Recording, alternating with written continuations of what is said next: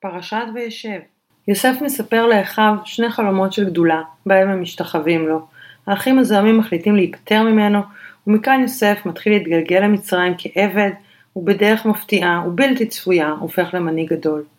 מהם החלומות האלה של יוסף, ואיך זה שהם מצליחים להתממש באופן כל כך מפתיע? האם גם לנו יש כאלה, ואיך נצליח לממש אותם? בואו נתחיל. ברוכים הבאים לפסיכולוגיה, רוחניות וימימה. כלילה שחר ועידית הירש יוצאות למסע שנתי של פגישה שבועית עם החיים דרך פרשת השבוע. אבל מה זה בעצם החלומות האלה? הוא בא ומספר להם שני חלומות מאוד מאוד כאלה ברורים, אפילו בוטים, שזה ברור לכולם מה הם אומרים, לא, זה חלומות מאוד נסתרים. ומה זה בעצם? מה קורה שם?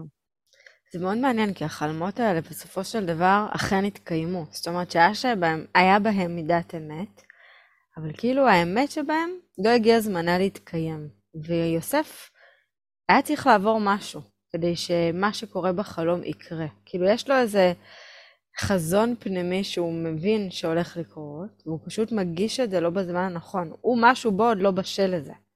זה מעניין, כי כאילו יש שם כבר תוכנית, יש שם כבר איזו ידיעה.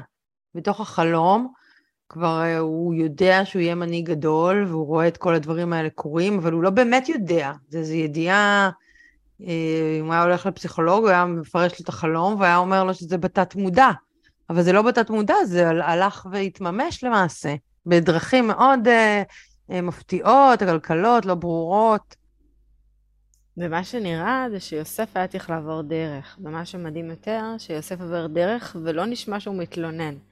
זה נשמע שלאורך כל הדרך הוא כאילו ממשיך להחזיק אה, באמונה שלו, אה, באלוהים, אה, בדרך, באיזה משהו שמכוון אותו, אפילו הוא נמצא בבית הכלא אחרי שהיה את הסיפור עם אשת פוטיפר, והוא נכנס לבית הכלא וחולמים חלומות שר המשקאות ושר האופים, והוא אומר להם לאלוהים יש פתרונים. הוא עדיין מחזיק בזה שיש פה איזה משהו. אם אני חולה משהו, יש לזה משמעות, יש לזה מהות.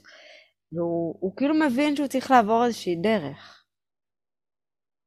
אז הדרך הזאת מתקשרת אליי לקרמה.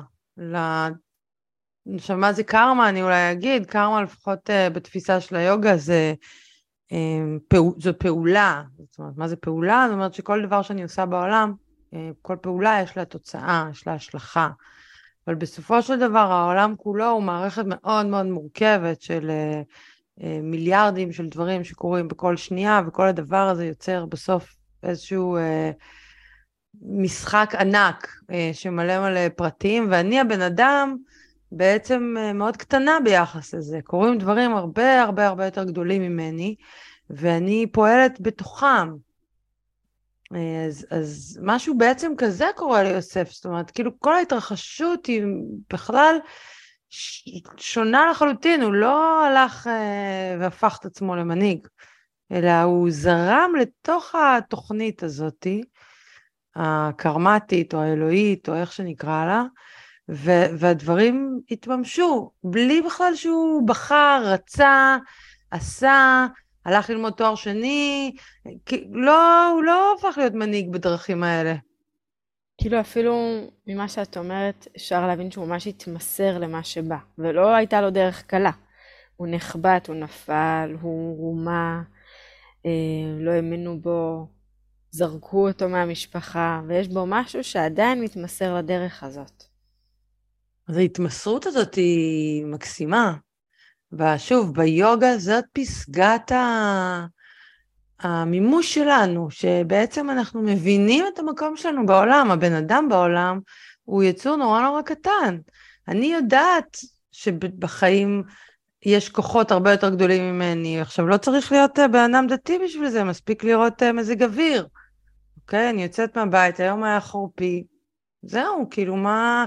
איזה מערכת יחסים יש לי עם ה... עם ההתרחשות הזאת שהיא גדולה ממני. האם אני מסכימה? האם אני מתווכחת? האם אני מתבאסת? האם אני חושבת שזה בטוח קרה כי היום אה, יש לי תוכניות אחרות והגשם אה, מחריב לי אותם? או שאני מתמסרת ומסכימה ללכת עם זה, לשוט על הנהר הזה, וזה מהמם. אני חושבת שהרבה מהמאבק שלנו בחיים זה במציאות שלנו, שבמקום להבין שיש פה משהו שהוא קורה לו סתם, או זה חלק מהדרך שלי, אני עסוקה מאוד מאוד בלהיאבק בזה. ימימה הרבה מדברת על זה מול המשפחות שלנו, מול ההורים שלנו. היא הרבה אומרת שהם, שאנחנו בחרנו במשפחה שהגענו אליה, אפילו משפט שהיא אומרת, מכל הנמצא סביב, נמצאים קשורים לא במקרה אלייך. את שייכת בענף ישיר ולא במקרה. כאילו יש פה איזה משהו שאת נמצאת שייכת למשפחה הזאת, לסביבה הזאת, למציאות חיים שלך, והיא מדויקת לך כמו שהיא. כי יש פה איזה משהו שאת צריכה לעבור כדי להוציא את המהות שלך החוצה בצורה מתוקנת, בצורה יותר בהירה וברורה. ואי אפשר להימנע מהדרך הזאת. והשאלה אם אני מוכנה להתמסר אליה או שאני נשארת נאבקת בה. זאת שאלה טובה, אני חושבת שרוב הזמן ביום יום אנחנו לא זוכרים את זה בכלל, אנחנו עסוקים בעניינים שלנו, בשליטה, ברצונות שלנו, בתשוקות שלנו, באיך אני רוצה שדברים יהיו, איך אני צריכה שהם יהיו, אם הם רק יהיו ככה, אז יהיה בסדר, אם יהיה לי את הבית הזה, את המשכורת הזאת, את הבן, בת זוג הזה, את ה... לא יודע, את, הרגש, את החופשה הזאת, את ההרגשה הזאת, רק אז יהיה בסדר. אנחנו כאילו התמכרנו ל... לסידור הזה, שבו אנחנו כאילו מסדרים לעצמנו את העולם כמו שאנחנו רוצים. שבעצם אחד... כמו שזו אשליה. זהו, אחד, אנחנו בכלל לא יכולים. שתיים, זאת לא הכוונה, כי יש שם איזה סידור אחר. נכון, לגמרי. אני חושבת שאולי, את אומרת פה עוד נקודה, שאנחנו מאוד מאוד עסוקים בלהיאבק בפער הזה שאנחנו פוגשים בין המציאות לבין מה שאנחנו היינו רוצים במציאות. ואולי כשנסכים להגיד, רגע, המציאות הזאת היא לא סתם.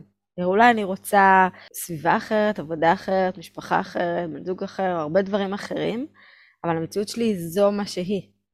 ומה אני עושה עם המציאות שלי הספציפית הזאת? מה, איך אני מקשיבה לה, גדלה ממנה, צומחת ממנה?